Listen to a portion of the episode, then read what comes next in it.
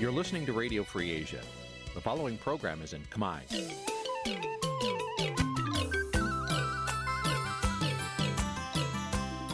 Nǐ chi càm bi tiệp xáy vệt chiu a zì sê នេះជាកម្មវិធីផ្សាយរបស់ Vithu Azisari ជាភាសាខ្មែរ វិទ្យុអាស៊ីសេរីសូមស្វាគមន៍លោកអ្នកនាងទាំងអស់ពីរដ្ឋធានី Washington នៃសហរដ្ឋអាមេរិក ពីរដ្ឋធានី Washington នាងខ្ញុំសុជីវីសូមជម្រាបសួរ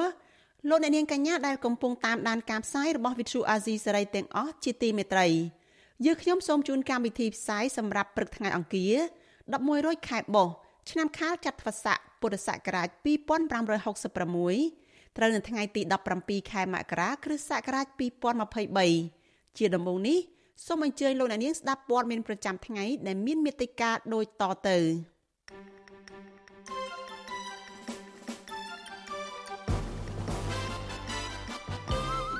អ្នកវិភាគថាការឃុំខ្លួនលោកថៃសេដ្ឋាអាចប៉ះពាល់ដល់ដំណើរការបោះឆ្នោតជាតិខាងមុខ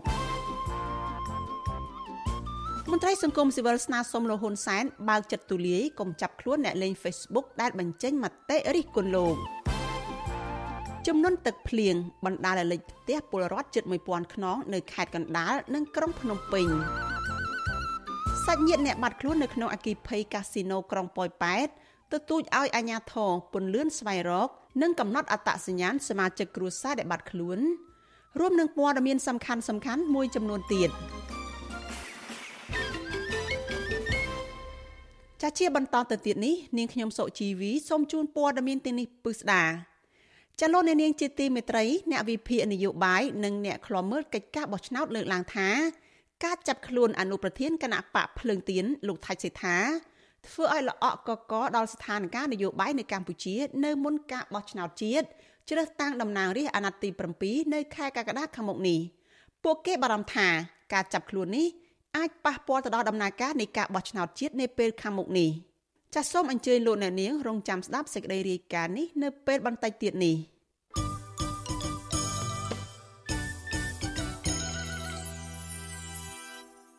លោកអ្នកនាងកញ្ញាកំពុងស្ដាប់ការផ្សាយរបស់ Vithu Azizi សេរីទាំងអស់ជាទីមេត្រីចាលោកហ៊ុនសែនបញ្ជាឲ្យសមត្ថកិច្ចតាមចាប់ខ្លួនអ្នកលេង Facebook ម្នាក់ដោយសារតែរឿងបញ្ចេញមតិរិះគន់លោកក្នុងពេលដែលលោកកំពុងបំពេញទស្សនកិច្ចនៅប្រទេសម៉ាល់ឌីវមន្ត្រីអង្គការសង្គមស៊ីវិលលើកឡើងថាសង្គមប្រជាធិបតេយ្យអ្នកដឹកនាំគួរតែបើកចិត្តឲ្យទូលាយទទួលយកមតិរិះគន់ពីមជ្ឈដ្ឋាននានាដើម្បីយកទៅកែលម្អក្នុងការដឹកនាំប្រទេសរបស់ខ្លួនចាលោកមានរិទ្ធ រាយការណ៍អំពីរឿងនេះលោកនាយរដ្ឋមន្ត្រីហ៊ុនសែនដែលគេស្គាល់ជាទូទៅថាជាមេដឹកនាំចូលចិត្តមតិលើកបញ្ចាញបញ្ចើតែមិនចេះទទួលយកមតិទីទានរិះគន់ពីសាធារណជននោះនៅថ្ងៃទី15ខែមករាបានបញ្ជាឲ្យប៉ូលីសតាមចាប់ខ្លួនម្ចាស់គណនី Facebook ម្នាក់ដាក់ឈ្មោះថាវេតូដែលបានចូលទៅបញ្ចេញមតិរិះគន់ចំពោះការដឹកនាំរបស់លោក ប្រតិកម្មរបស់លោកហ៊ុនសែននេះគឺបន្ទាប់ពីលោកបានបង្ហោះរូបថតជាង10សន្លឹកនៅឆ្នេរសមុទ្រមួយកន្លែងនៅប្រទេសម៉ាល់ឌីវដែលលោកសរសេរថាឆ្លៀនមួយទឹកសមុទ្រប្រទេសម៉ាល់ឌីវដែលកន្លែងមួយទឹកនៅជាប់ជាមួយបន្ទប់ស្នាក់នៅទាំងទឹកប្រៃនិងទឹកសាបបន្ទាប់មកអ្នកលេង Facebook ម្នាក់ឈ្មោះវេតូបានចូលទៅខមមិនឌឺដង ដោយសរសេរថាមែនហើយពុកឆ្នេរសមុទ្រយើងស្អាតជាងគេ តែអ្នកដឹកនាំស្រុកយើងស្មុគគ្រោកជាងគេនៅលើលោក ភ្លាមភ្លាមនោះលោកហ៊ុនសាន បានសរសេរឆ្លើយតបដោយគម្រាមថានេះគឺជាសម្ដីមនុស្សពីលសូមនគរបាលស្វែងរកជាបន្ទាន់តើវានៅឯណាស្របពេលដែលការបោះឆ្នោតជាតិអាណត្តិទី7កាន់តែខិតជិតមកដល់លោកហ៊ុនសានហាក់មមាញឹកប្រើប្រាស់បណ្ដាញសង្គម Facebook របស់លោកក៏ប៉ុន្តែលោកមិនមែនចំណាយពេលវេលាជានាយករដ្ឋមន្ត្រីប្រើប្រាស់ Facebook ដើម្បីជាប្រយោជន៍ដោះស្រាយបញ្ហាជាតិសំខាន់សំខាន់ឬសំណូមពរទូទៅរបស់ពលរដ្ឋនោះទេ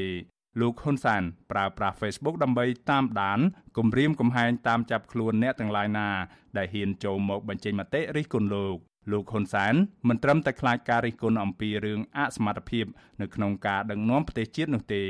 ជាក់ស្ដែងថ្មីថ្មីនេះសូម្បីតែរឿងរ៉ាវយុវជនសួងនិពន្ធដែលរិះគន់លោកអំពីការភ្នាល់បាល់ទាត់ពិភពលោកចាញ់គេក៏លោកខឹងសម្បានឹងប្រកាសតាមរកឪពុកម្ដាយរបស់យុវជនរូបនោះដល់ផ្ទះដែរខណៈអ្នករិះគន់លោកមួយចំនួន នៅបន្តជាប់ពន្ធនាគាររហូតមកទល់សពថ្ងៃនេះប្រធានសមាគមការពារសិទ្ធិមនុស្សអាត់ហុកលោកនីសុខា លើកឡើងថាលោកមិនគាំទ្រចំពោះការបញ្ចេញមតិបែបអសរោះនោះទេ ទូយ៉ាងណាលោកថាការបញ្ចេញមតិនៅក្នុងសង្គមប្រជាធិបតេយ្យគឺជារឿងល្អដើម្បីចូលរួមស្ថាបនាសង្គមស្របតាមគោលការណ៍សិទ្ធិមនុស្សអន្តរជាតិដែលបើកទូលាយឲ្យពលរដ្ឋបញ្ចេញមតិដោយគ្មានការភ័យខ្លាចលោកយល់ថាការប្រើប្រាស់វិធានការផ្លូវច្បាប់ទៅលើអ្នកបញ្ចេញមតិគឺជាសញ្ញាមួយគួរឲ្យព្រួយបារម្ភដែលធ្វើឲ្យអ្នកទាំងឡាយណាដែលមានទស្សនៈនយោបាយផ្ទុយពីរដ្ឋាភិបាលភ័យខ្លាចក្នុងការបញ្ចេញមតិយោបល់របស់ពួកគេ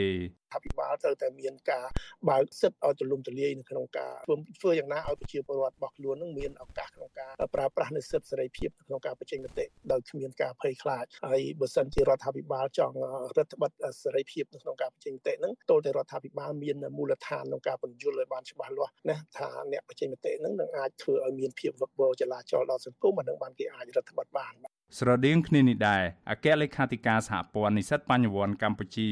លោកគៀនពន្លកមើលឃើញថាកន្លងមក អ្នកដែលហ៊ានរិះគន់ការដឹកនាំរបស់លោកហ៊ុនសែនឬរដ្ឋាភិបាលរបស់លោក តែងតែប្រឈមទៅនឹងការចោទប្រកាន់ការចាប់ខ្លួន និងការប្តឹងរឹបអូសយកទ្រព្យសម្បត្តិជាបន្តបន្ទាប់ លោកបន្តថាការស្វែងរកចាប់ខ្លួនអ្នកបញ្ចេញមតិយោបល់នៅលើបណ្ដាញសង្គមបែបនេះបាននាំឲ្យសេរីភាពនៃការបញ្ចេញមតិនៅកម្ពុជា កាន់តែរួមតូចទៅគួរឲ្យព្រួយបារម្ភយ៉ាងណាក្តីលោកគៀនពន្លកយល់ថាក្នុងសង្គមប្រជាធិបតេយ្យពិតប្រាកដ ពលរដ្ឋមានសិទ្ធិទីទានមេដឹកនាំឬបុគ្គលសាធារណៈដើម្បីកែប្រែចំណុចខ្វះខាតឲ្យប្រសើរឡើង។សម្ដេចនាយករដ្ឋមន្ត្រីហ៊ុនសែនគឺជាបុគ្គលមួយបុគ្គលសាធារណៈអញ្ចឹងប្រជាពលរដ្ឋកម្ពុជាគ្រប់រូបមានសិទ្ធិសេរីភាពយ៉ាងពេញលេញក្នុងការបញ្ចេញមតិយោបល់ឬក៏រិះគន់បែបស្ថាបនាទៅលើរូបគាត់ប្រសិនបើគាត់ធ្វើអ្វីខុសមួយប្រសិនបើមេដឹកនាំមួយនៅពេលដែលប្រជាពលរដ្ឋរិះគន់មិនបានឬមួយក៏អ្នកនយោបាយរិះគន់មិនបានអញ្ចឹងនោះមិនមែនជាមេដឹកនាំដែលកើតឡើងនៅក្នុងសង្គមប្រជាធិបតេយ្យទេប្រធានអង្គភិបអ្នកណែនាំពាក្យរដ្ឋាភិបាលលោកផៃស៊ីផានបដិសេធមិនឆ្លើយតបចំពោះរឿងនេះទេដោយលោករញឲ្យទៅសួរខាងអាជ្ញាធរមានសមត្ថកិច្ចវិញវិសុវស៊ីស្រីមិនអាចតាក់ទងแนะនាំពាក្យក្រសួងមហាផ្ទៃលោកខៀវសុភ័ក្រនិងแนะនាំពាក្យអគ្គស្នងការដ្ឋាននគរបាលជាតិលោកឆៃកំខឿនដើម្បីបញ្ជាក់ជុំវិញរឿងនេះបាននៅឡើយទេនៅថ្ងៃទី16ខែមករាសិទ្ធិសេរីភាពនៃការបញ្ចេញមតិ ត្រូវបានធានាដោយច្បាប់ជាតិនិងសន្ធិសញ្ញាអន្តរជាតិជនគ្រប់រូបមានសិទ្ធិសម្ដែងកង្វល់និងទស្សនៈរបស់ខ្លួនដោយសេរីដោយគ្មានការជ្រៀតជ្រែកពីរដ្ឋាភិបាលទូយ៉ាងណាមជ្ឈមណ្ឌលសិទ្ធិមនុស្សកម្ពុជា ហៅកាត់ថា CCHR បានរកឃើញថាក្នុងរយៈពេល10ខែនៃឆ្នាំ2022កន្លងទៅអាជ្ញាធររដ្ឋាភិបាល នៅតែបន្តរដ្ឋបិទនិងរំលោភបំពានសិទ្ធិសេរីភាពនៃការបញ្ចេញមតិចំនួន110ដង ទៅលើអ្នកសារព័ត៌មាន និងអ្នកការពារសិទ្ធិមនុស្សដែលក្នុងនោះរួមមានសកម្មជនបរិស្ថានសហជីពនិងបុគ្គលិកអង្គការសង្គមស៊ីវិលជាដើមពួកគេត្រូវបានកោះហៅទៅសាកសួរឃុំខ្លួន ឬចាប់ខ្លួនដោយចោទប្រកាន់ពីបទបរិហាកេរនិងបទញុះញង់ ហើយអ្នកខ្លះទៀតត្រូវបានអាជ្ញាធរបង្ខំឲ្យផ្តិតមេដាយលើកិច្ចសន្យា ជាថ្នូវនឹងការដោះលែងតាក់ទងទៅនឹងការបញ្ចេញមតិរបស់ពួកគេខ្ញុំបាទមេរិត Visual C ស្រីពីរដ្ឋធានី Washington លោកនាងកញ្ញាប្រិយមិត្តជាទីមេត្រីចាប់ព័ត៌មានតកតនឹងកិច្ចសហប្រតិបត្តិការរវាងកម្ពុជា និងកោះម៉ាល់ឌីវវិញចាកម្ពុជានិងម៉ាល់ឌីវបដិញ្ញាបង្កើនកិច្ចសហប្រតិបត្តិការទ្វេភាគី លើវិស័យសំខាន់សំខាន់មួយចំនួន ជាពិសេសវិស័យពាណិជ្ជកម្មនិងទេសចរការបដិញ្ញាបង្កើនកិច្ចសហប្រតិបត្តិការទ្វេភាគីនេះធ្វើឡើងនៅក្នុងដំណើរទស្សនកិច្ចផ្លូវការរយៈពេល3ថ្ងៃរបស់លោកយមត្រីហ៊ុនសែនទៅកាន់ប្រទេសម៉ាល់ឌីវចាប់ពីថ្ងៃទី15ដល់ថ្ងៃទី17ខែមករាសេចក្តីថ្លែងការណ៍រួមរវាងភាគីទាំងពីរផ្សាយកាលពីថ្ងៃទី16ខែមករាម្សិលមិញឲ្យដឹងថា កម្ពុជានិងម៉ាល់ឌីវបានចុះកិច្ចព្រមព្រៀងនិងអនុសារណៈនៃការយោគយល់គ្នា ចំនួន6ផ្ដោតលើកិច្ចសហប្រតិបត្តិការលើវិស័យសេដ្ឋកិច្ចពាណិជ្ជកម្មការទូតទេសចរនិងសុខាភិបាល ក្នុងនោះភាគីទាំងពីរក៏បានចុះហត្ថលេខាលើកិច្ចព្រមព្រៀងលើកលែងទិដ្ឋាការចំពោះអ្នកកាន់លិខិតឆ្លងដែនការទូតផ្លូវការនិងធម្មតារវាងប្រទេសទាំងពីររយៈពេល30ថ្ងៃដែលអនុញ្ញាតឲ្យប្រជាជននៃប្រទេសទាំងពីរ អាចធ្វើដំណើរដោយសេរីដោយមិនចាំបាច់មានទិដ្ឋាការកម្ពុជានិងកោះម៉ាល់ឌីវក៏ចង់មាននៅការតភ្ជាប់ជើងហោះហើរត្រង់រវាងប្រទេសទាំងពីរដើម្បីសម្រួលដល់ការធ្វើអាជីវកម្មនិងការប្រស្រ័យទាក់ទងគ្នារវាងប្រជាជននិងប្រជាជនមេដឹកនាំនៃប្រទេសទាំងពីរក៏បានពិភាក្សាលើការនាំចូលផលិតផលកសិកម្មរបស់កម្ពុជា ដូចជាពោតម្រេចដំឡូងមីគ្រាប់ស្វាយចន្ទី និងផ្លែឈើ ព្រមទាំងផលិតផលកាត់ដេរនិងសម្ភារៈធ្វើដំណើរជាដើមនេះគឺជាលើកទី1ហើយដែលលោកហ៊ុនសែនបានទៅធ្វើទស្សនកិច្ចផ្លូវការនៅប្រទេសម៉ាល់ឌីវដែលជាប្រជុំកោះតូចៗស្ថិតនៅតំបន់អាស៊ីខាងត្បូងលើមហាសមុទ្រឥណ្ឌា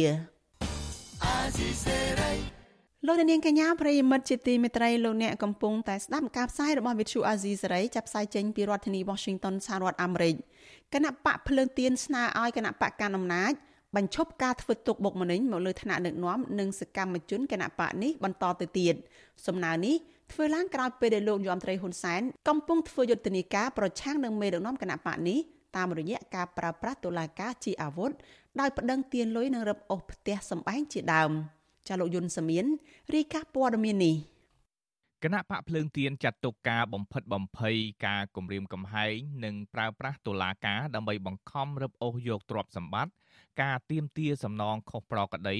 គឺជាការវាយបំបាក់ស្មារតីនិងជះឥទ្ធិពលយ៉ាងខ្លាំងដល់គណៈបកភ្លើងទៀនក្នុងការបោះឆ្នោតនាពេលខាងមុខនេះនេះបើតាមសេចក្តីថ្លែងការណ៍គណៈបកភ្លើងទៀនចេញនៅថ្ងៃទី16មករាសេចក្តីថ្លែងការណ៍គណៈបកប្រឆាំងធ្វើឡើងស្របពេលមេដឹកនាំគណៈបកកណ្ដាលអំណាចបានប្រើប្រាស់ពាក្យបណ្ដឹងនៅតុលាការដើម្បីគំរាមកំហែងមេដឹកនាំគណៈបកប្រឆាំង កាលពីសប្តាហ៍មុនឧត្តមទីប្រឹក្សាគណៈបកភ្លើងទៀនលោកគង់គួមត្រូវបានគណៈបកប្រជាជនកម្ពុជាខេត្តត្បូងឃ្មុំ ដាក់ពាក្យប្តឹងពីបទញុះញង់និងទាមទារសំណងជំងឺចិត្តជាប្រាក់50ម៉ឺនដុល្លារចំណែកលោកនាយករដ្ឋមន្ត្រីហ៊ុនសែនវិញ បានរឹបអូសដីនឹងផ្ទះរបស់លោកគង់គួមដែលលោកមានកម្មសិទ្ធិស្របច្បាប់ ទៅធ្វើទីស្នាក់ការកោជបដោយឡែកអនុប្រធានគណៈបកភ្លើងទៀនលោកសុនឆៃវិញ ក៏រងពាក្យបណ្ដឹងចំនួន2ផងដែរក្រោយពីលោករិះគន់ភាពមិនប្រក្រតីនៃការបោះឆ្នោតឃុំសង្កាត់អាណត្តិទី5កន្លងទៅថាមានការបំផិតបំភ័យប្រជាពលរដ្ឋការលួចបន្លំសัญลักษณ์ឆ្នោតនិងមិនឆ្លោះបញ្ចាំងពីឆន្ទៈប្រជាពលរដ្ឋសាលាដំបងរាជធានីភ្នំពេញបានកាត់ឲ្យលោកសុនឆៃបង់សំណងជិត1លានដុល្លារទៅគណៈបកប្រជាជនកម្ពុជា ពីបទបរិហាគេជាសាធារណៈទោះបីបើការទៀមទានេះ គឺលើសពីច្បាប់អនុញ្ញាតក្តីសេចក្តីថ្លែងការណ៍របស់គណៈបកភ្លើងទៀនក៏បានស្នើសុំឲ្យមានការជជែកគ្នានឹងគណៈបកកណ្ដាលអំណាចដើម្បីរកដំណោះស្រាយដោយសន្តិវិធីនិងមានការប្រកួតប្រជែងលើគោលនយោបាយតាមបែបប្រជាធិបតេយ្យសេរីវិទ្យុអាស៊ីសេរីមិនទាន់អាចតាក់ទងលោកសុនឆៃដើម្បីបកស្រាយបន្ថែមជុំវិញសេចក្តីថ្លែងការណ៍របស់គណៈបកបានទេនៅថ្ងៃទី16មករាប៉ុន្តែឆ្លើយតបទៅនឹងគណៈបកភ្លើងទៀន អ្នកនាំពាក្យគណៈបកប្រជាជនកម្ពុជាលោកសុកអេសានឲ្យវិទ្យុអាស៊ីសេរីដឹងថាការចាត់វិធានការលើជនល្មើសច្បាប់មិនមែនជាការគំរាមកំហែងទេតែជាការអនុវត្តច្បាប់លោកបន្តថាបណ្ដឹងរបស់គណៈបកកណ្ដាលអំណាចប្រឆាំងមេដឹកនាំគណៈបកប្រឆាំងជាការអនុវត្តលទ្ធិប្រជាធិបតេយ្យនិងពង្រឹងនីតិរដ្ឋនៅកម្ពុជា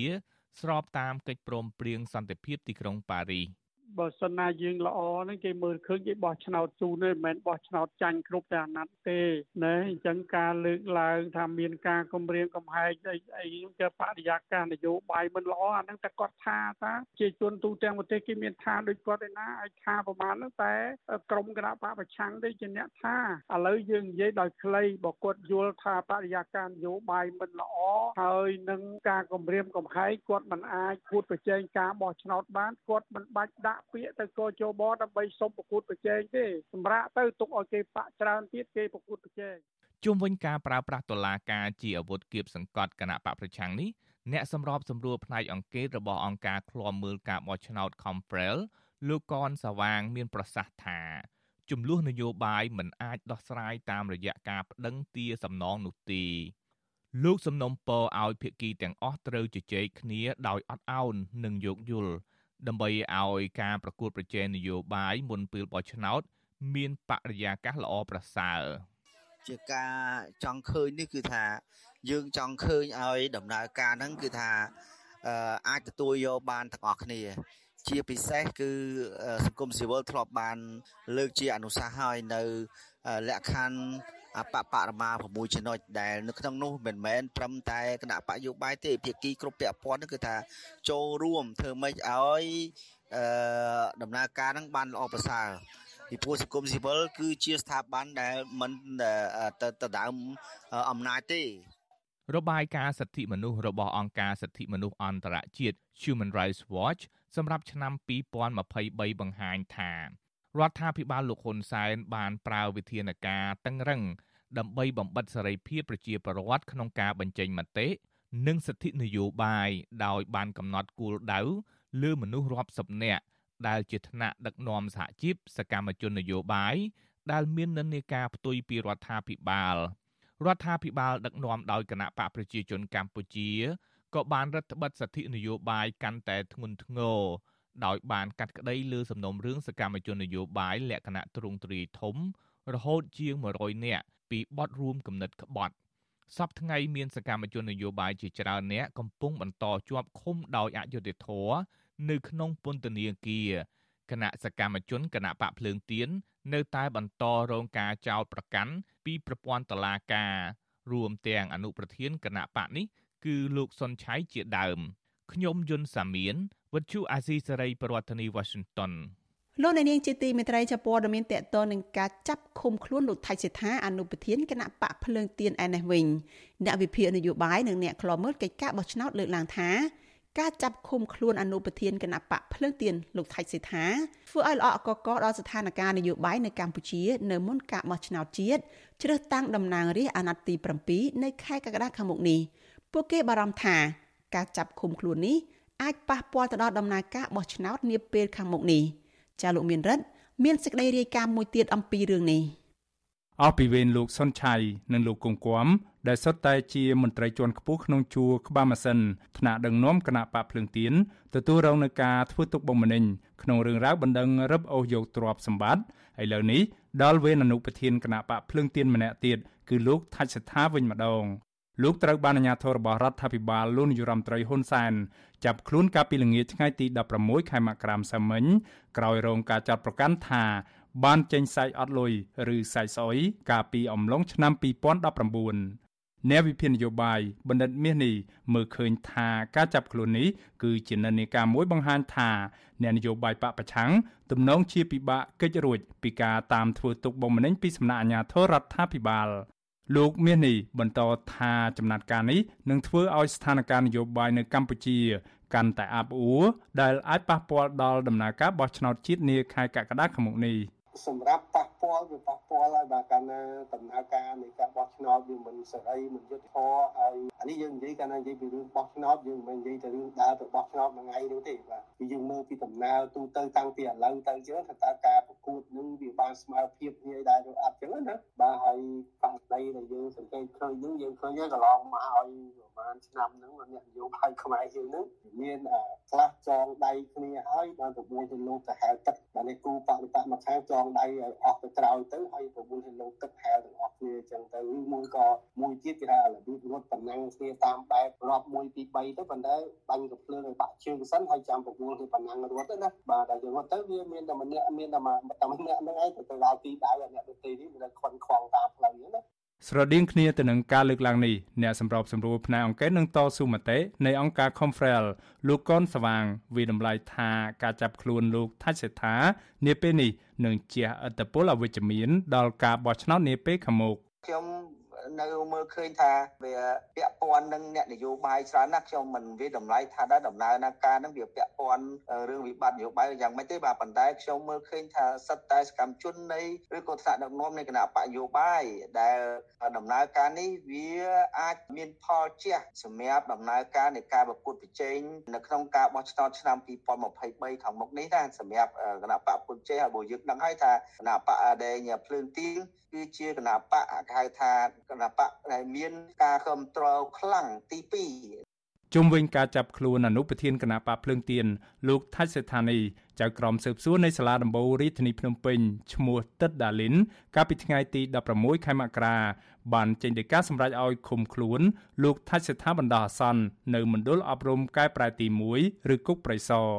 លោកថាច់សេដ្ឋាត្រូវបានដាក់ឲ្យស្ថិតនៅក្រោមការពិនិត្យ ពីបទមិនបានបំពេញកាតព្វកិច្ចចំពោះឧបករណ៍អាចជួញដូរបាន ប្រព្រឹត្តនៅភ្នំពេញ កាលពីអំឡុងឆ្នាំ2019អ្នកនាំពាក្យអัยការអមសាលាដំបូងរាជធានីភ្នំពេញបញ្ជាក់ក្នុងសេចក្តីប្រកាសព័ត៌មានផ្សាយកាលពីថ្ងៃទី16ខែមករាម្សិលមិញថា តំណាងអัยការបានទទួលពាក្យបណ្ដឹងពីក្រុមហ៊ុនរិនឆាយផនសពដែលបានប្តឹងលោកថាច់សេថាពីបទមិនបំពេញកាតព្វកិច្ចចំពោះឧបករណ៍អាចជួញដូរបានឬចេញសាច់ដោយគ្មានសាច់ប្រាក់ចំនួន5សន្លឹកកាលពីអំឡុងឆ្នាំ2019សេចក្តីប្រកាសព័ត៌មានដដែលអះអាងថាលោកថៃសេដ្ឋាបានខកខានមិនបានចូលខ្លួនបំភ្លឺតាមដីកាបង្គាប់ឲ្យចូលខ្លួនចំនួន2លើក របស់ចៅក្រមស៊ើបសួរចុះកាលពីថ្ងៃទី28ខែកុម្ភៈឆ្នាំ2021និងថ្ងៃទី22ខែមិថុនាឆ្នាំ2021ដោយពុំមានមូលហេតុទើបបានជាឈានទៅដល់ការចាប់ខ្លួននិងបញ្ជូនលោកទៅឃុំខ្លួនបណ្ដោះអាសន្ននៅពន្ធនាគារនៅថ្ងៃទី16ខែមករាឆ្នាំ2023 វិសុវស៊ីស្រីមិនអាចតាក់ទងแนะនាំពាក្យនៃអាយកាអមសាលាដំបងរាជធានីភ្នំពេញលោកប្លង់សុផលដើម្បីសុំការពន្យល់បន្ថែមជុំវិញរឿងនេះបាននៅឡើយទេនៅថ្ងៃទី16ខែមករាម្សិលមិញទោះជាយ៉ាងណាមេធាវីការពីក្តីឲ្យលោកថាច់សេថាគឺលោកសំសុគងពន្យល់ប្រាវិសុវស៊ីស្រីកាលពីល្ងាចថ្ងៃទី16ខែមករាថាទាំងលោកនិងទាំងកូនក្តីរបស់លោកសុទ្ធតែពុំបានដឹងអំពីរឿងហេតុពាក់ព័ន្ធទៅនឹងការប្តឹងផ្តល់ជុំវិញរឿងចេញសាយស្អុយនេះទេ យើងអត់បានដឹងខ្ញុំមេធាវីនៅក្នុងគណៈបកហ្នឹងគឺអត់បានដឹងហើយសម័យខ្លួនហ្នឹងក៏មិនបានដឹងអំពីរឿងហេតុដែលមានការប្តឹងផ្ដល់ទៅដល់តុលាការតាក់ទងនឹងសំណុំរឿងនេះផងដែរយើងឃើញនៅក្នុងដីកាបង្កប់ឲ្យនាំខ្លួនហ្នឹងឃើញថាគេយោងទៅលើដីកាបង្កប់បញ្ចូលខ្លួនពីរដងប៉ុន្តែខ្ញុំយល់ថាកូនក្តីគឺលោកអេដាមថាថាជារូបជាគណៈបកភ្លើងទៀនហ្នឹងប្រហែលជាមិនអាចមិនបានទទួលដីកាឬមិនបានទទួលដំណឹងទៅតាមអ្វីដែលជាការយោងនៅក្នុងដីកាទេបើសិនជាអាដាមបានទទួលដីកាពិតមែននោះប្រហែលជាអាដាមនឹងមិនគិតវេសទៅនឹងការអនុវត្តច្បាប់ទេហើយក៏អាចនឹងពឹងពាក់មេធាវីដើម្បីដំណើរការក្នុងរឿងនេះនៅកាលក្នុងឆ្នាំ2019ហ្នឹងហើយផ្អែកតាមមាត្រា231នៃច្បាប់ស្តីពីឧបករណ៍អាចជួញដូរបាន និងប្រតិបត្តិការទូទាត់សងប្រាក់ លោកថាច់សថាអាចប្រឈមទៅនឹងការជាប់ពន្ធនាគារពី2ឆ្នាំទៅ5ឆ្នាំ និងពិន័យជាប្រាក់ពី5លានរៀលទៅ10លានរៀលប្រសិនបើតុលាការរកឃើញថាលោកពិតជាមានកំហុសមែនគណៈបកភ្លើងទៀនបានថ្កោលទោសចំពោះអាជ្ញាធរក្រុងភ្នំពេញដែលបានចាប់និងឃុំខ្លួនលោកថាច់ស្ថានីសេចក្តីថ្លែងការណ៍ផ្សាយកាលពីថ្ងៃទី16ខែមករាគណៈបកនេះថា ការចាប់ខ្លួនលោកថាច់ស្ថានីកើតមានឡើងក្រោយពីមានចលនាបំផិតបំភ័យនិងគំរាមកំហែងជាបន្តបន្ទាប់នៅក្នុងពេលថ្មីៗនេះពីសំណាក់អ្នកមានអំណាចមកលើថ្នាក់ដឹកនាំនិងសកម្មជនរបស់គណៈបកភ្លើងទៀនគណៈបកភ្លើងទៀនចាត់ទុកការចាប់និងឃុំខ្លួនលោកថាច់ស្ថានីថាគឺជារឿងនយោបាយនិងជារូបភាពនៃការគំរាមកំហែងដើម្បីបំបាក់ស្មារតីប្រជាពលរដ្ឋខ្មែរមិនឲ្យចូលរួមសកម្មភាពនយោបាយជាមួយគណៈបកភ្លើងទៀន គណៈបកភ្លើងទៀនអំពាវនាវដល់រដ្ឋាភិបាលនិងតុលាការក្រុងភ្នំពេញឲ្យដោះលែងលោកថាច់សេដ្ឋាឲ្យមានសេរីភាពឡើងវិញជាបន្ទាន់ដោយឥតលក្ខខណ្ឌដើម្បីធានាបរិយាកាសល្អប្រសើរសម្រាប់ការបោះឆ្នោតជ្រើសតាំងតំណាងរាស្ត្រនៅខែកក្កដាខាងមុខនេះខ្ញុំបានមេរិត Visual Asia ស្រីពីរដ្ឋធានី Washington លោកអ្នកនាងកញ្ញាអ្នកស្ដាប់ជាទីមេត្រីចាតតតនឹងរឿងការចាប់ឃុំខ្លួនលោកថៃសិដ្ឋាអនុប្រធានគណៈបកភ្លើងទៀននេះ សូមអញ្ជើញលោកនាងរងចាំតាមដានស្ដាប់និងទស្សនាវេទិកានៃស្ដាប់វិទ្យុអាស៊ីសេរីចាដែលនឹងជជែកអំពីបញ្ហានេះនៅក្នុងការផ្សាយរបស់យើងនៅយប់ថ្ងៃអង្គារនេះចាប់ប្រសិនបើលោកអ្នកនាងមានសំណួរឬចង់បញ្ចេញមតិយោបល់យ៉ាងណាចាសូមអញ្ជើញលោកអ្នកនាងដាក់លេខទូរស័ព្ទរបស់លោកអ្នកនាងនៅក្នុងខ្ទង់ comment របស់ Facebook និង YouTube របស់ Vithu Azizi សេរីចាស់ក្រុមការងាររបស់យើងនឹងហៅទៅលោកអ្នកនាងវិញចាសសូមអរគុណ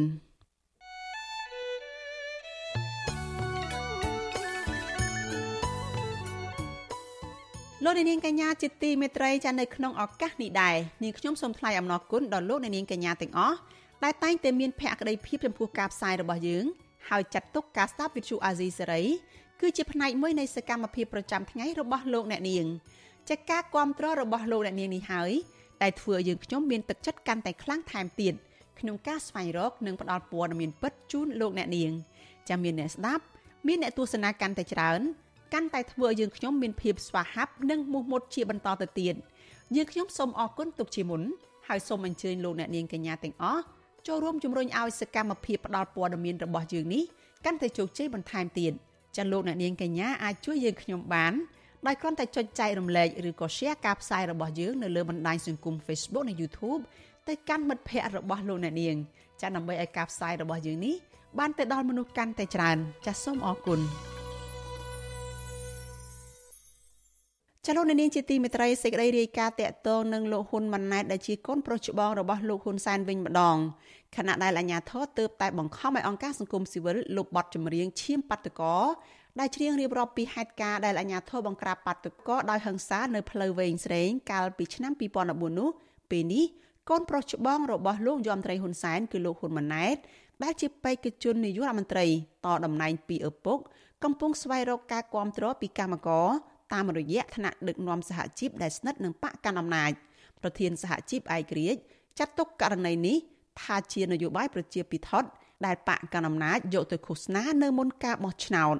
ចាសសូមស្ដាប់សេចក្តីរាយការណ៍របស់លោកនៅវណ្ណរិនអំពីរឿងនេះមន្ត្រីគណៈបកប្រឆាំងរិះគន់ថាសកម្មភាពផ្សារភ្ជាប់ខ្លួនរបស់លោកហ៊ុនម៉ាណែតទៅនឹងសហជីពមិនបានឆ្លុះបញ្ចាំងពីការខ្វល់ខ្វាយយកចិត្តទុកដាក់ពិតប្រាកដចំពោះកម្មករនោះឡើយ ពួកគាត់ថាអ្នកបន្តវេនគណៈបកកណ្ដាលអំណាចរូបនេះកំពុងប្រើប្រាស់ថ្នាក់ដឹកនាំសហជីពដើម្បីរកសម្លេងគាំទ្រពីកម្មករតែប៉ុណ្ណោះអតីតតំណាងរាជគណៈបកសង្គ្រោះជាតិលោកអ៊ុំសំអានប្រាប់វិទ្យុអាស៊ីសេរីកាលពីថ្ងៃទី16ខែមករាថាលោកចាត់ទុកសកម្មភាពរបស់លោកហ៊ុនម៉ាណែត ជាការធ្វើនយោបាយប្រជាពិធតាមគន្លងចាស់របស់លោកហ៊ុនសែនដើម្បីគៀងគរសម្លេងគាំទ្រពីក្រុមកម្មករមុនការបោះឆ្នោតតែប៉ុណ្ណោះ ផ្ទុយទៅវិញលោកថាលោកមិនដែលឃើញអ្នកបន្តវេនបកកណ្ដាលអំណាចរូបនេះចេញមុខមកដោះស្រាយបញ្ហាឬធ្វើអន្តរាគមនៅពេលដែលកម្មករជួបទុក្ខលំបាកដើម្បីឲ្យស្របទៅតាមការឃោសនារបស់គណៈបកកណ្ដាលអំណាចថាបានខ្វល់ខ្វាយពីក្រុមកម្មករនោះឡើយ។ លោកបន្ថែមថាប្រសិនបើគណៈបកប្រជាជនកម្ពុជា យកចិត្តទុកដាក់គិតគូរពីសុខទុក្ខក្រុមកម្មករពិតមែននោះរដ្ឋាភិបាលលោកហ៊ុនសែនត្រូវតែស្ដារលទ្ធិប្រជាធិបតេយ្យនិងនីតិរដ្ឋនៅក្នុងប្រទេសឡើងវិញដើម្បីទទួលបានប្រព័ន្ធអនុគ្រោះពន្ធ EBA និងប្រព័ន្ធអនុគ្រោះពន្ធទូទៅ GSP ព្រមទាំងអត្ថប្រយោជន៍ផ្សេងៗដល់ក្រុមកម្មករឲ្យមានជីវភាពល្អប្រសើរ ហើយយើងមើលមួយទៀតខាងសហជីពកាស៊ីណូ Nagavel ធ្វើកោតកម្មរាល់ថ្ងៃហេតុអីបានជាគាត់មិនទៅជួបសហជីពហ្នឹងក៏ទៅជួបសហជីពដែលគ្រប់គ្រងរដ្ឋាភិបាលដូច្នេះរឿងហ្នឹងគាត់មិនបានយកចិត្តទុកដាក់ទៅលើកម្មករឬសហជីពដែលឯករាជ្យនោះទេគាត់យកចិត្តទុកដាក់ទៅលើទៅកម្មករឬក៏សហជីពដែលគ្រប់គ្រងរដ្ឋាភិបាលជាពិសេសគឺសហជីពដែលគ្រប់គ្រងរដ្ឋាភិបាលតែប៉ុណ្ណោះឯងគាត់ជួបសហជីពណាដែលយល់ថាអាចរកសម្លេងឆ្នោតឲ្យគាត់បានណា ប្រតិកម្មរបស់មន្ត្រីគណៈបកប្រឆាំងរូបនេះបន្ទាប់ពីលោកហ៊ុនម៉ាណែត បានចូលរួមពិធីអាហារសាមគ្គីមួយជាមួយថ្នាក់ដឹកនាំសហជីពកាលពីថ្ងៃទី15ខែមករាក្នុងពិធីជួបជុំនោះលោកហ៊ុនម៉ាណែតថ្លែងថាគណៈបកប្រជាជនកម្ពុជា បានផ្សារសាច់ផ្សារឈាម ជាមួយនឹងក្រុមកម្មករនយោជិតតាំងពីដើមរៀងមកដោយយកចិត្តទុកដាក់ដោះស្រាយបញ្ហាលំបាកផ្ដល់នូវការគាំពៀសិទ្ធនិងអត្ថប្រយោជន៍ដល់កម្មករ លោកលើកឡើងដោយសរសើរលោកឪពុករបស់លោក គឺលោកហ៊ុនសែនថាតែងតែគិតគូរផ្ដល់អត្ថប្រយោជន៍ជូនដល់កម្មករនិយោជិត និងសេដ្ឋកិច្ចក្នុងប្រព័ន្ធនិងក្រៅប្រព័ន្ធទោះជាយ៉ាងណាការឃោសនារបស់លោកបែបនេះត្រូវបានអ្នកតាមដានស្ថានភាពនយោបាយមើលឃើញផ្ទុយពីតថភាពជាក់ស្ដែងដោយថាបញ្ហារវាងកម្មករនិងថៅកែក្រុមហ៊ុនមួយចំនួនរដ្ឋាភិបាលមិនបានដោះស្រាយដោយយុត្តិធម៌ឡើយ ហើយមេដឹកនាំសហជីពមួយចំនួនត្រូវអាជ្ញាធរចាប់ឃុំខ្លួនឧទាហរណ៍ដោយករណីការចាប់ឃុំខ្លួនប្រធានសហជីពត្រួតត្រងការងារបុគ្គលិកកម្មករខ្មែរនៃក្រុមហ៊ុន Nagawal កញ្ញាឈឹមស៊ីធនិងតំណាងសហជីពជាច្រើនទៀតក្នុងចំនួនវិវាទការងាររវាងបុគ្គលិកនិងថៅកែក្រុមហ៊ុនជាដើម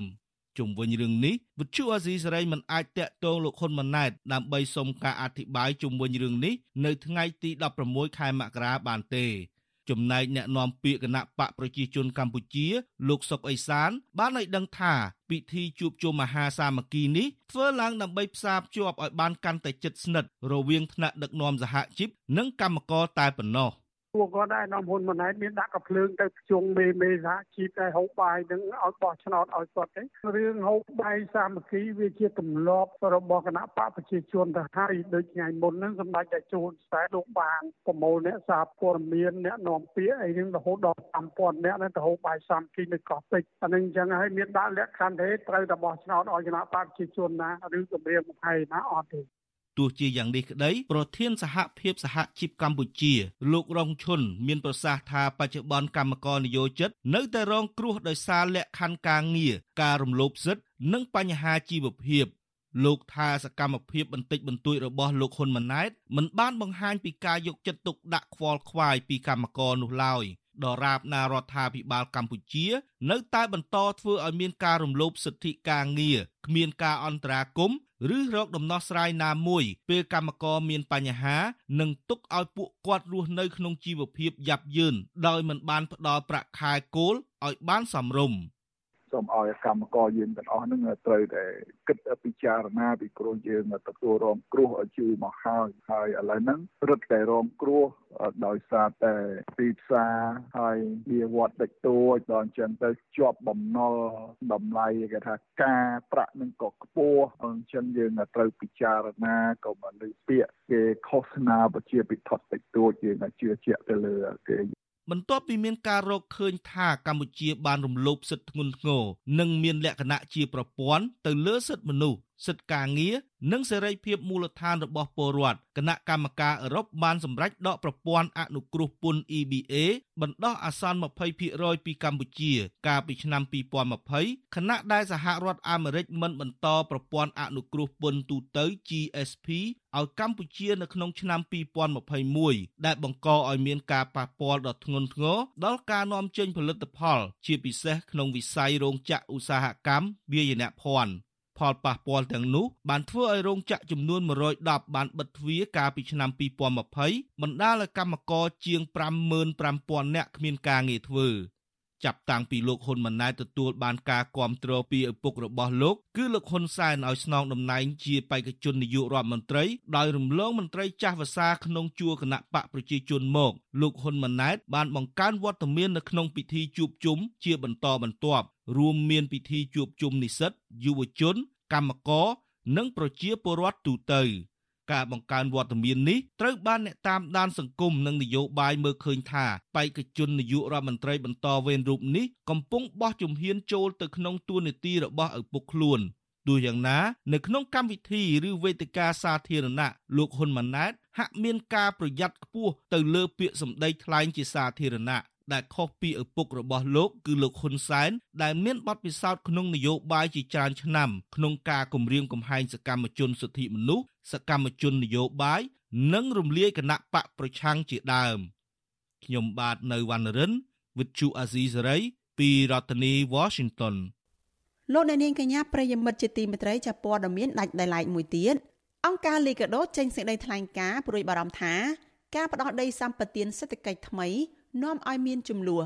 អង្គការលីកាដូថាក្រុមហ៊ុន TSMW ទទួលបានដីសម្បត្តិសេដ្ឋកិច្ចនេះនៅលើផ្ទៃដីទំហំ9788ហិកតាពីរដ្ឋក្រុមហ៊ុនបានសាងសង់ផ្លូវទំហំ50ម៉ែត្រដើម្បីចូលទៅដីសម្បត្តិសេដ្ឋកិច្ចដែលនាំឲ្យប៉ះពាល់ទៅដល់ដីស្រែចម្ការដំណាំកសិកម្មជាច្រើនរបស់ពលរដ្ឋជាងនេះទៅទៀតពលរដ្ឋរងគ្រោះនៅតំបន់នោះមិនបានទទួលព័ត៌មានអំពីក្រុមហ៊ុន ក្នុងការសាងសង់ផ្លូវនោះទេ ពួកគាត់ប្រមាណ400គ្រួសាររស់នៅក្នុងស្រុកអូស្វាយសែនជ័យស្រុកសៀមប៉ាង និងស្រុកសេសានខេត្តស្ទឹងត្រែងសេចក្តីថ្លែងការណ៍ដដែលបន្តថាចាប់តាំងពីថ្ងៃទី9ខែវិច្ឆិកាឆ្នាំ2022ដល់ថ្ងៃទី4ខែមករាពលរដ្ឋរស់នៅភូមិអ៊ីបុឃុំបូរីអូស្វាយសែនជ័យស្រុកអូស្វាយសែនជ័យបានប្រមូលផ្ដុំគ្នាហាមឃាត់ការសាងសង់ផ្លូវ50ម៉ែត្រនោះ5លើករួចមកហើយនាយិកាទទួលបន្ទុកកិច្ចការក្រៅតំបន់នៃអង្គការលីកាដូអ្នកស្រីណាលីពីលោក ស្នើដល់រដ្ឋាភិបាលឲ្យផ្ដល់ព័ត៌មានជុំវិញការផ្ដល់ដីសម្បត្តិសេដ្ឋកិច្ចថ្មីនេះជូនដល់ពលរដ្ឋនិងដោះស្រាយចំនួនដែលកំពុងមានដោយសន្តិវិធីនិងយុត្តិធម៌ពាក់ព័ន្ធករណីនេះអ្នកនាំពាក្យរដ្ឋាភិបាលលោកផៃស៊ីផានប្រាប់វិទ្យុអាស៊ីសេរីថាអាញាធរបានដោះស្រាយសម្រាប់ពលរដ្ឋរងគ្រោះប៉ុន្មានដងរួចមកហើយលើកលែងតែអ្នកចំណូលថ្មីនោះទេលោកបន្ថែមថា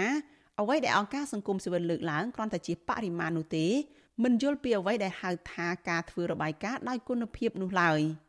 នាយកទទួលបន្ទុកកិច្ចការទូតនៃអង្គការ Liga do លោកអំសំអាតមានប្រសាសន៍ថាអនុក្រឹត្យស្ដីពីដីសម្បត្តិសេដ្ឋកិច្ចដែលមានលក្ខខណ្ឌក្នុងនោះប្រជាពលរដ្ឋត្រូវដឹងលក្ខខណ្ឌមួយចំនួនរួមមានការវិតម្លៃផលប៉ះពាល់បរិស្ថាន ការពិគ្រោះយោបល់ជាមួយអាជ្ញាធរមូលដ្ឋានឬប្រជាពលរដ្ឋមូលដ្ឋាន ជាចុងក្រោយត្រូវដោះស្រាយនិងសម្របសម្រួលជាមួយពលរដ្ឋមុននឹងអនុវត្ត លោកបន្តថាមកដល់ពេលនេះមានពលរដ្ឋប្រមាណ400គ្រួសារហើយរងគ្រោះដោយសារការធ្វើផ្លូវទំហំ50ម៉ែត្រនៅលើដីសម្បត្តិនោះលោកបន្ថែមថាលោកព្រួយបារម្ភដល់ពលរដ្ឋដែលរងគ្រោះនិងស្នើសុំយ៉ាងទទូចដល់អាជ្ញាធរពាក់ព័ន្ធធ្វើការដោះស្រាយជូនប្រជាពលរដ្ឋឲ្យពួកគាត់ទទួលយកបាន។ ជាកដោយើងមានការប្រួយបារម្ភព្រោះកន្លងមកយើងឃើញការផ្ដល់សម្ភារៈសេដ្ឋកិច្ចនេះបើសិនជាមិនបានធ្វើការសិក្សាឲ្យបានច្បាស់លាស់មិនមានការពិគ្រោះច្បល់ជាមួយអាជ្ញាធរមូលដ្ឋានដែលជាប្រវត្តិបានត្រឹមត្រូវហើយស្វែងរកដោះស្រាយជាមុនទេអានឹងគឺផលលំបាកជាប្រវត្តិអាចនឹងរងផលប៉ះពាល់ច្រើនហើយក្រៅទៅពីការបាត់បង់ដីធ្លីយើងក៏ព្រួយបារម្ភដែរព្រោះកន្លងមកយើងឃើញថាពលរដ្ឋជាច្រើនដែលត្រូវបានជាប់បណ្ដឹងនៅតុលាការហើយមានការចាប់ខ្លួនអីជាដើមហ្នឹងវិទ្យុអាស៊ីសេរីមិនអាចតកតងแนะនាំពាក្យក្រសួងបរិស្ថានលោកនេតភក្ត្រាដើម្បីសុំការអធិប្បាយបន្ថែមបានទេនៅថ្ងៃទី16ខែមករាម្សិលមិញនេះ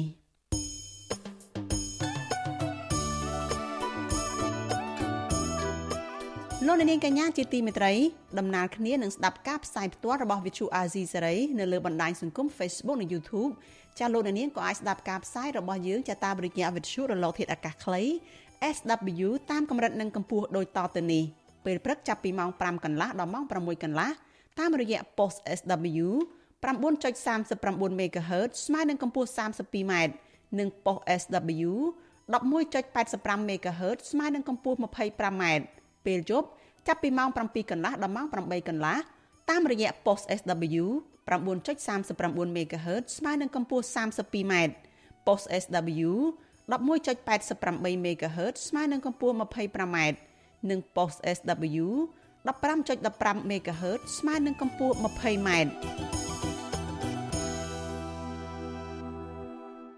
ចាលោកអ្នកនាងជាទីមេត្រីសេចក្តីរាយការណ៍តាក់ទងនឹងទឹកជំនន់នៅរដូវប្រាំងវិញម្ដង ចាចំនួនទឹកភ្លៀងបណ្ដាលឲ្យលិចផ្ទះសម្បែងរបស់ពលរដ្ឋជិត1000ខ្នងដែលរស់នៅតាមបណ្ដោយស្ទឹងព្រៃថ្នោតនៅក្នុងរាជធានីភ្នំពេញនិងខេត្តកណ្ដាល។ រីឯអាជ្ញាធរក្រុងភ្នំពេញจะបានបញ្ជូនកម្លាំងសមត្ថកិច្ចជាច្រើនអ្នកជួយអន្តរាគមន៍សង្គ្រោះប្រជាពលរដ្ឋចាប់តាំងពីថ្ងៃទី13ខែមករាមកដល់ពេលនេះចារីឯស្ថានភាពទឹកនៅមិនទាន់ស្រកនៅឡើយទេចាលោកលេងម៉ាលីរីកាព័ត៌មាននេះ ពលរដ្ឋជាង1000គ្រួសាររស់នៅតាមបណ្ដោយស្ទឹងព្រែកថ្នោតក្នុងខណ្ឌដង្កោខណ្ឌពោធិ៍សែនជ័យរាជធានីភ្នំពេញនិងពលរដ្ឋខ្លះទៀតរស់នៅក្រុងតាខ្មៅនិងស្រុកកណ្ដាលស្ទឹងខេត្តកណ្ដាលកំពុងរងគ្រោះដោយទឹកជំនន់4ថ្ងៃជាប់ជាប់គ្នាចាប់តាំងពីថ្ងៃទី13មករាមកទល់ពេលនេះ អ្នកស្រុកភ្ញាក់ផ្អើលនឹងគ្រោះធម្មជាតិដ៏ចម្លែកនេះដែលពួកគាត់មិនធ្លាប់ជួបទាល់តែសោះធ្វើឲ្យលំនៅឋានពលរដ្ឋយ៉ាងហោចណាស់4ខ្នងបាក់ស្រុតចូលស្ទឹងហើយពលរដ្ឋរាប់សិបគ្រួសារទៀតត្រូវជំនះទៅកាន់ទីទួលមានសុវត្ថិភាពពលរដ្ឋមួយចំនួនបានទម្លាក់កំហុសបាតុភិបនេះទៅលើរដ្ឋាភិបាលថាបណ្ដោយឲ្យក្រុមឈ្មួញមានអំណាចលុបបឹងធម្មជាតិជាច្រើនកន្លែង ដូចជាបឹងទំពុនបឹងធំ និងបឹងទមុកជាដើម ដើម្បីសង់អគារផ្ទះល្វែងបណ្ដាលឲ្យគ្មានកន្លែងរំដោះទឹកពេលភ្លៀងធ្លាក់ម្ដងម្ដងពលរដ្ឋរងគ្រោះដោយទឹកជំនន់ដែលជម្លៀសទៅកាន់ទីទួលសុវត្ថិភាពរស់នៅសង្កាត់សាក់សំពៅខណ្ឌដង្កោ គឺលោកសួងចយលោកសួងចយប្រាប់វិទ្យុអស៊ីសេរីនៅថ្ងៃទី16មករាថា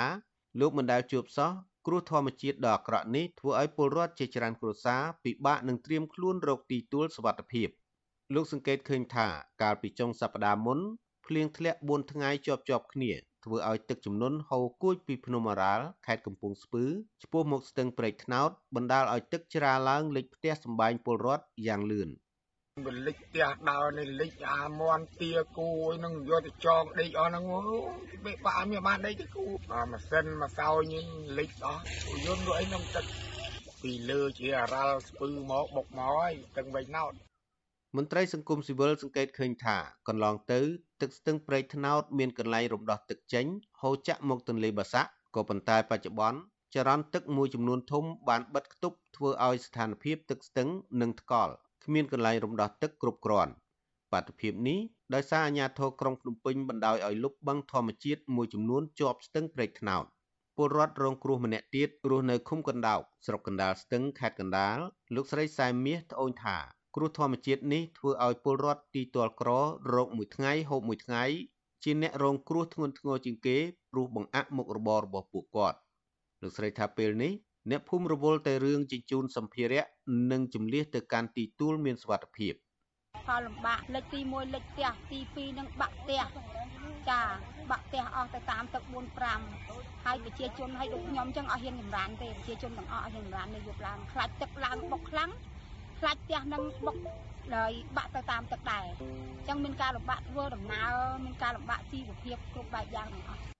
ចំណែកឯពលរដ្ឋរងគ្រោះម្នាក់ទៀតរស់នៅឃុំកណ្ដោកស្រុកកណ្ដាលស្ទឹងលោកនុននុនថ្លែងថាពេលនេះគ្រួសារលោកបានជញ្ជូនសម្ភារៈនិងបោះតង់រស់នៅលើទីទួលសុវត្ថិភាពជាបណ្ដោះអាសន្នហើយអាជ្ញាធរបានចែកអំណោយមនុស្សធម៌មួយចំនួនលោកបញ្ជាក់ថា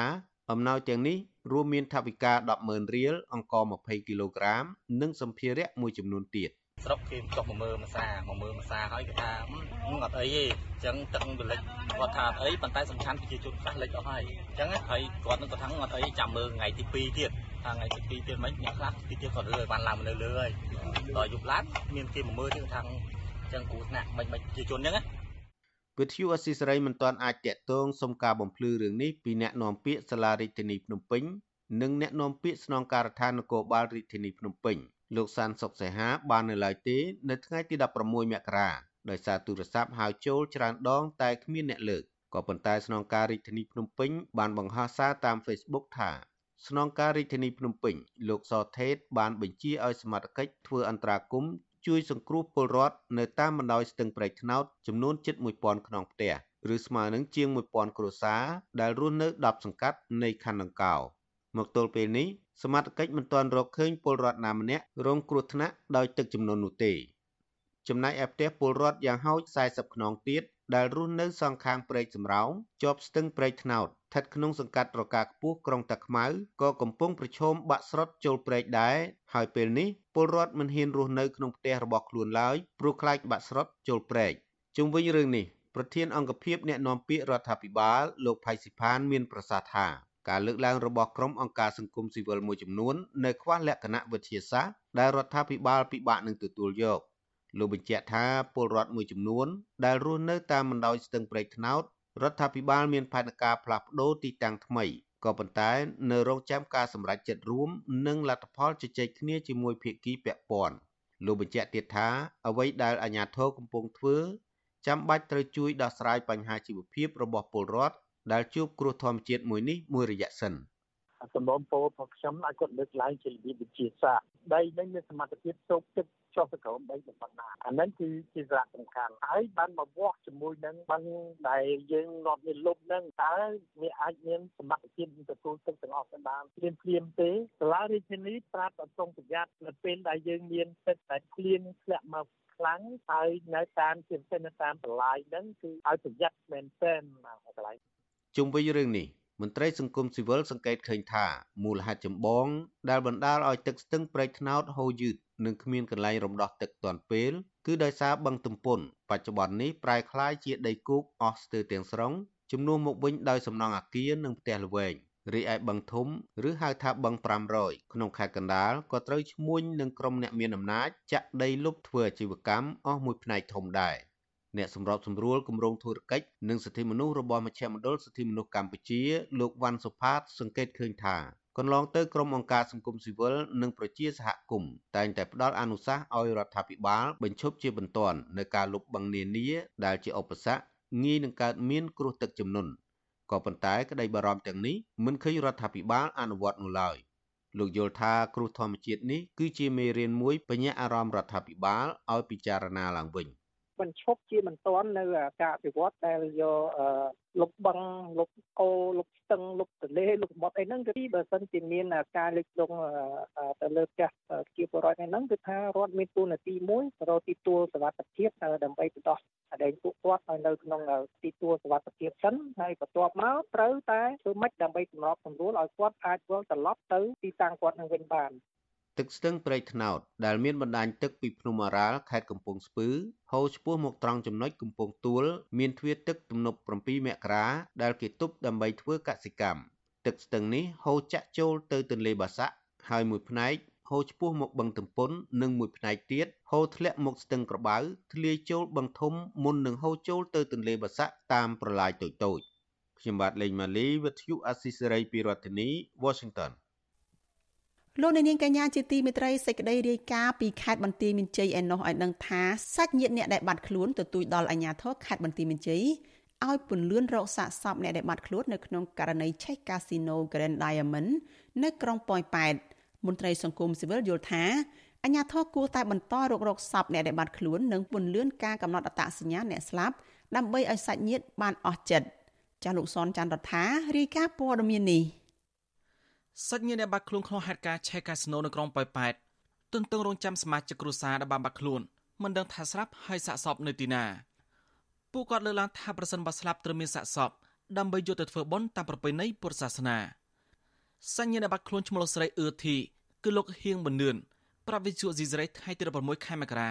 ថាលោកកំពុងទន្ទឹងរង់ចាំលទ្ធផលរបស់អាជ្ញាធរខ្មែរនិងថៃដែលមិនតកំណត់អត្តសញ្ញាណសាកសពឆេះខ្លោចទាំង6នាក់ជាក់លាក់ថាជាជនជាតិអ្វីនៅឡើយទេ លោកថាអាញាធរយក DNA របស់សាកសពទៅពិនិត្យហើយប៉ុន្តែរហូតមកទល់ពេលនេះមិនតង់ផ្ដល់ចម្លើយដល់ពួកគាត់វិញនៅឡើយទេ អត់ឃើញហ៎អត់បានឃើញអត់បានលឺតំណឹងអីទាំងអស់ទាំងអស់ហើយគេយកទៅពិនិត្យហើយតែទឹកមុនគេហៅទៅ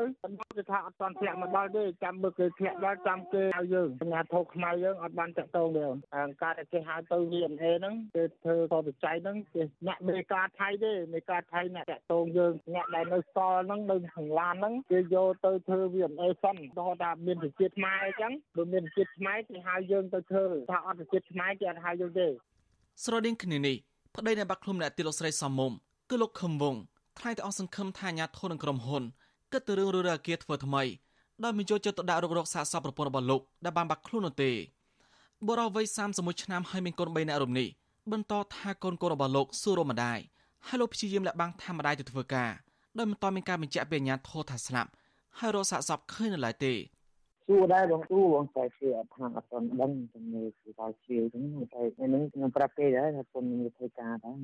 ដាក់ហើយខ្ញុំដាក់ពាក្យដឹងនៅចរាចរណ៍នៅអានេះខុសក្តាយខ្ញុំដែរតែមិនធ្វើម៉េចគេគិតថាប្រយោជន៍តខ្លួនហ្នឹងគេអត់ទៅរឲ្យគេតែចង់បែរគេធ្វើថ្មីហ្នឹងណាកាសិណូធ្វើដែរទៅដាក់ពាក្យដឹងហើយឲ្យគេជួយរកបងជួយជួយសាវជារោទីណាហើយវាគឺយកតែលេខទូរស័ព្ទយកតែរីករាយយើងទៅតែដល់ឥឡូវអត់ឃើញមានន័យទៅមក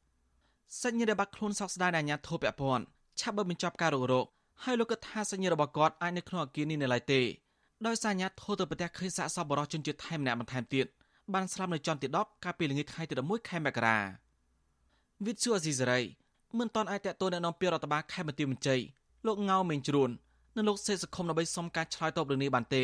នៅថ្ងៃទី16ខែមករាដោយទូរស័ព្ទចូលតែគ្មានអ្នកទទួល។ ហេតុការណ៍ឆេះកាស៊ីណូ Grand Diamond City នៅក្រុងប៉ោយប៉ែតកន្លងមកនេះកម្លាំងស្មារតីកម្ពុជានិងថៃរកឃើញអ្នកស្លាប់26នាក់ហើយបញ្ចប់ការរករកក្រោយកើតហេតុ2ថ្ងៃកាលពីថ្ងៃទី30ខែធ្នូឆ្នាំ2022បុគ្គលិកមួយចំនួនដែលរស់រានមានជីវិតចាត់ទុកថាក្រុមហ៊ុនធ្វើប្រហែសដែលគ្មានប្រព័ន្ធការពារសុវត្ថិភាពនិងការជួយដំណឹងដល់អ្នកក្នុងអាគារហើយការជួយសង្គ្រោះរបស់អាជ្ញាធរនៅមានកម្រិតហើយមិនទាន់ពេលវេលាទើបបណ្ដាមនុស្សស្លាប់ច្រើនបែបនេះ។ របាយការណ៍របស់ក្រសួងសុខាភិបាលប្រទេសថៃកាលពីថ្ងៃទី8ខែមករាបង្ហាញថាតួលេខអ្នកស្លាប់ជនជាតិថៃមានការប្រែប្រួល19នាក់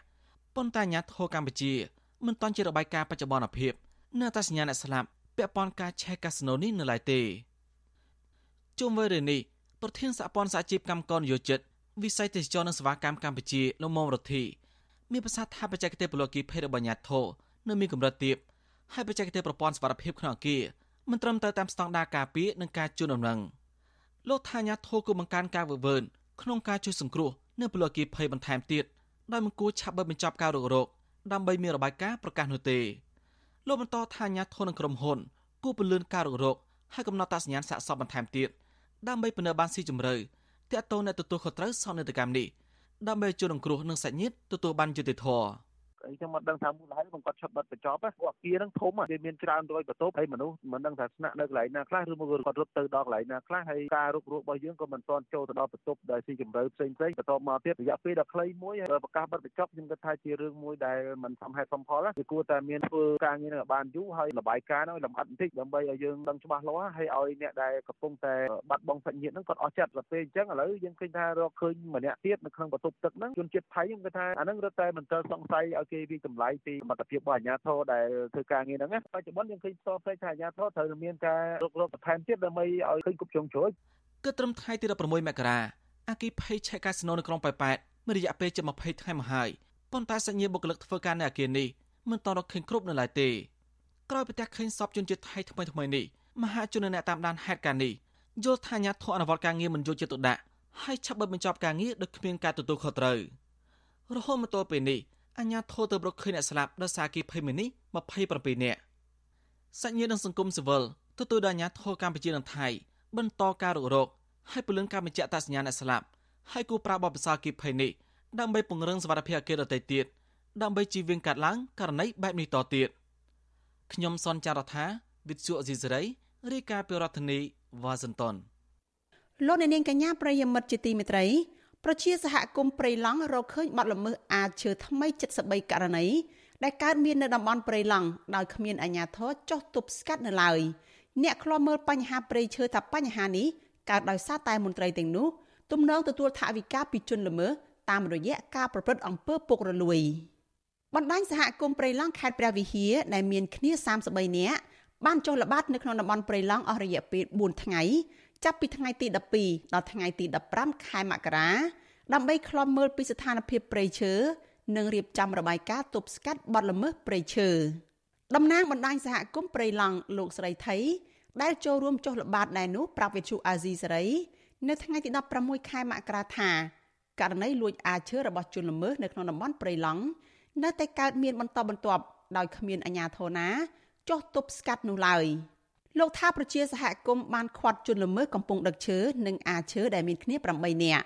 ពួកគេបានប្រើគោយន្ត2គ្រឿងរណាយន្ត2ម៉ូតូ2គ្រឿងនិងប្រេងសាំងម៉ាស៊ុតចំនួន3ធុងធំធំ រួមនឹងសម្ភារៈផ្សេងផ្សេងទៀតលោកស្រីថៃអះអាងថាមន្ត្រីបរិស្ថានពុំដែលខាត់ខ្លួនពួកគេទាំងនោះទេបើទោះបីជាអ្នកប្រព្រឹត្តទាំងនោះមានមុខដដែលដដែលក៏ដោយលោកជឿជាក់ថាបញ្ហានេះកើតឡើងដោយសារតែមានអាជ្ញាធរមួយចំនួន ជាប់ពាក់ព័ន្ធនឹងការប្រព្រឹត្តបទល្មើសទាំងនេះខ្ញុំមិនឃើញថាមានតែមន្ត្រីថ្នាក់លើទេដែលសង្កត់មួយមន្ត្រីថ្នាក់ក្រោមទេមិនថាទុកឲ្យតែមន្ត្រីថ្នាក់ក្រោមអារឿងបាត់ទៅឈើមិនអាចបង្ក្រាបបានទេដូចយើងចាក់ទឹកក្បាលពីងឯងមើលទៅថាតម្រុយនេះវាប្រហែលជាមានស្អីស្អីនៅពីក្រោយពីក៏មិនដឹងតាមដែលយើងមើលឃើញថាប្រហែលជាមានអាចបានជួយចិត្តតែកើតមានចេញដឹកជញ្ជូនយកប្រយុទ្ធក្នុងថ្ងៃនេះប្រជាសហគមន៍អះអាងថាតំបន់ដែលពួកគាត់ប្រទះឃើញបាត់ល្មើសកັບទន្ទ្រានព្រៃថ្មីថ្មីនេះ គឺស្ថិតនៅក្នុងចំណុចបោះរាំងក្បាលថ្លាន់ព្រៃដំណាក់កាលនិងចំណុចភ្នំស្រឡៅដែលស្ថិតនៅឃុំឆ្មានិងឃុំរៀបរយស្រុកជ័យសែនពួកគាត់ថាគល់ឈើដែលជន់ល្មើសអានោះមានចំនួន55ករណីមានមុខកាត់1ម៉ែត្រទៅ1ម៉ែត្រកន្លះនិងឈើជ្រៀកមិនទាន់ដឹកចេញចំនួន9ម៉ែត្រគូបជាប្រភេទឈើកគីត្រាចផ្ដៀកផ្ចឹកឈើទាលនិងឆ្លីកដែលមានសរុបចំនួន73ករណី ព្រៃឡង់ជាតំបន់ជំរកសត្វព្រៃដែលមានទំហំជាង43ម៉ឺនហិកតាព្រៃអភិរក្សមួយនេះគ្របដណ្ដប់នៅលើភូមិសាស្ត្រខេត្តចំនួន4រួមមានខេត្តព្រះវិហារខេត្តកំពង់ធំខេត្តក្រចេះនិងខេត្តស្ទឹងត្រែងប៉ុន្តែព្រៃឈើដ៏ធំនេះកំពុងរងការកាប់ទន្ទ្រានស្ទើរតែបាត់បង់ពូជឈើប្រណិតប្រណិតនិងប្រភេទសត្វព្រៃកម្រផងដែរបាត់ល្មើសអាឈើនៅតំបន់ព្រៃឡង់កើតមានជាបន្តបន្ទាប់ទោះបីជាកន្លងទៅអង្គការជាតិនិងអន្តរជាតិរកឃើញថាអ្នកដែលទិញឈើពីជនល្មើសទាំងនោះ ភ្នាក់ច្រើនជាអ្នកមានលុយមានអំណាចរួមនឹងមានតួនាទីនៅក្នុងជួររដ្ឋាភិបាលក៏ដោយក៏មន្ត្រីអាជ្ញាធរនៅមិនទាន់ចាប់ជនទាំងនោះនៅឡើយ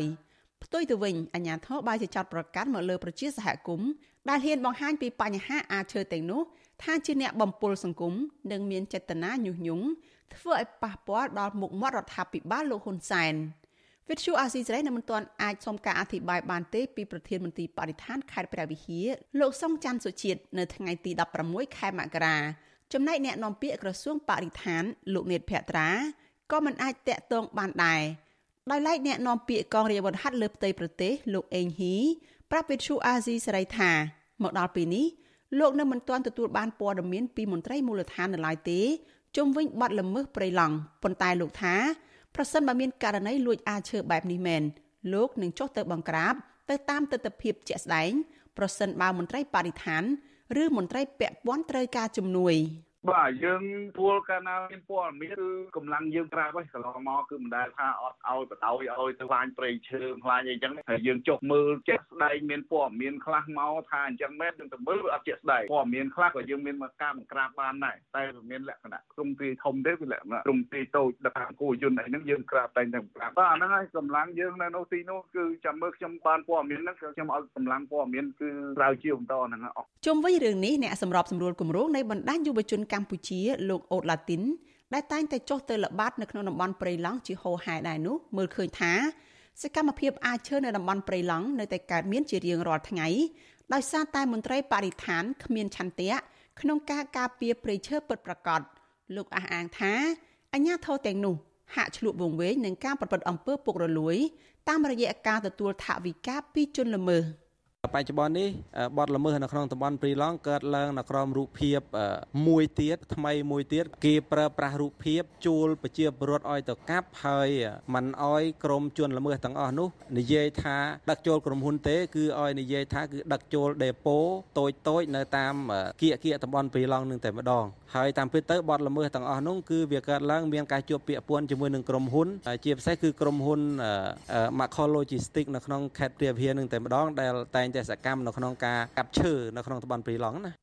របាយការណ៍អង្កេតលើកទី2របស់ក្រុមអ្នកស្រាវជ្រាវនៃសាកលវិទ្យាល័យ Copenhagen នៃប្រទេសដាណឺម៉ាកចេញផ្សាយកាលពីពេលថ្មីៗនេះបង្ហាញថាកម្ពុជាបានបាត់បង់ព្រៃឈើជាង140,000ហិកតាកាលពីឆ្នាំ2020ក្នុងនោះការបាត់បង់គម្របព្រៃឈើនៅដែនជម្រកសត្វព្រៃឡង់បានកើនឡើង22%ព្រៃព្រះរកាកើនឡើង43%និងដែនជម្រកសត្វព្រៃសង់រុក្ខវ័នចំនួន47% ក្រុមអ្នកខ្លំមើលបញ្ហាព្រៃឈើនិងប្រជាសហគមន៍ទទូចម្ដងហើយម្ដងទៀតថា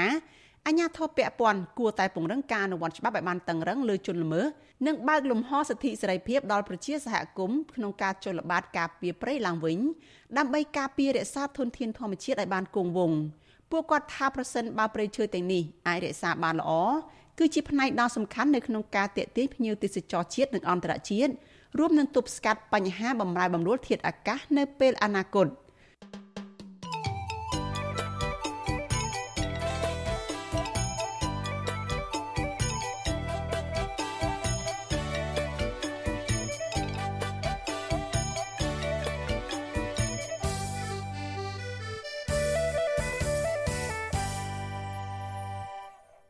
លោកអ្នកនាងកញ្ញាប្រិយមិត្តជាទីមេត្រីការផ្សាយរយៈពេល1ម៉ោងរបស់វិទ្យុអាស៊ីសេរីជាភាសាខ្មែរនៅព្រឹកនេះចាប់ត្រឹមតែប៉ុណ្ណេះនាងខ្ញុំសុជីវីព្រមទាំងក្រុមការងារទាំងអស់នៃវិទ្យុអាស៊ីសេរីចាសសូមជូនពរដល់លោកអ្នកនាងកញ្ញានិងក្រុមគ្រួសារទាំងអស់ឲ្យជួបប្រកបតែនឹងសេចក្តីសុខសុភមង្គលកុំបីឃ្លៀងឃ្លាតឡើយនាងខ្ញុំសូមអរគុណនិងសូមជម្រាបលា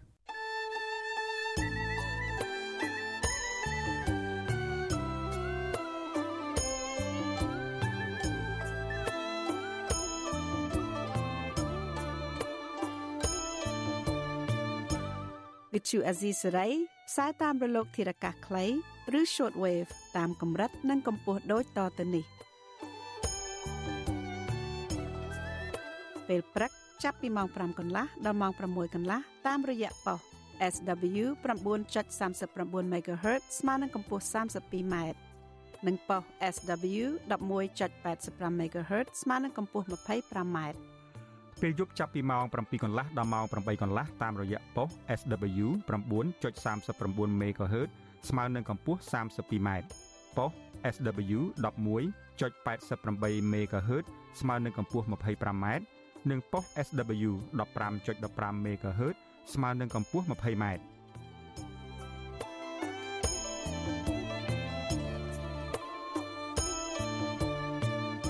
លោកអ្នកនាងក៏អាចស្ដាប់ការផ្សាយផ្ទាល់តាមប្រព័ន្ធអ៊ីនធឺណិតដោយចូលទៅកាន់គេហទំព័រ www.rfa.org/ ខ្មែរក្រៅពីនេះលោកអ្នកនាងក៏អាចអាននិងទស្សនាព័ត៌មានវិទ្យុអេស៊ីសេរីលើទូរស័ព្ទដៃរបស់លោកអ្នកផ្ទាល់សូមលោកអ្នកនាង ចូលទៅកាន់កម្មវិធី Facebook រួចស្វែងរកពាក្យ RFA ខ្មែរនិង YouTube ដោយស្វែងរកពាក្យ RFA ខ្មែរ សូមលោកអ្នកនាងចុច like និងចុច subscribe ដើម្បីទទួលបានព័ត៌មានថ្មីៗបានហេតុការនិងទស្សនាវីដេអូផ្សេងៗទៀតបានគ្រប់ពេលវេលា